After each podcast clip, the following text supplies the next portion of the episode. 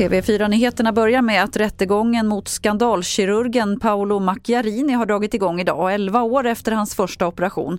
Det handlar om tre patienter som fått luftstrupar av plast inopererade vilket orsakade stort lidande i slutet av deras liv.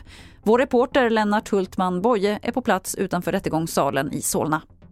Ja, nu är han åtalad för grov misshandel och det här är andra gången som en åklagare försöker utreda det här. Första gången så var rubriken eh, grovt vållande till annans död men det blev aldrig något åtal av det. Men det beslutet omprövades, eh, utredningen återupptogs och nu försöker man alltså med brottsrubriken grov misshandel.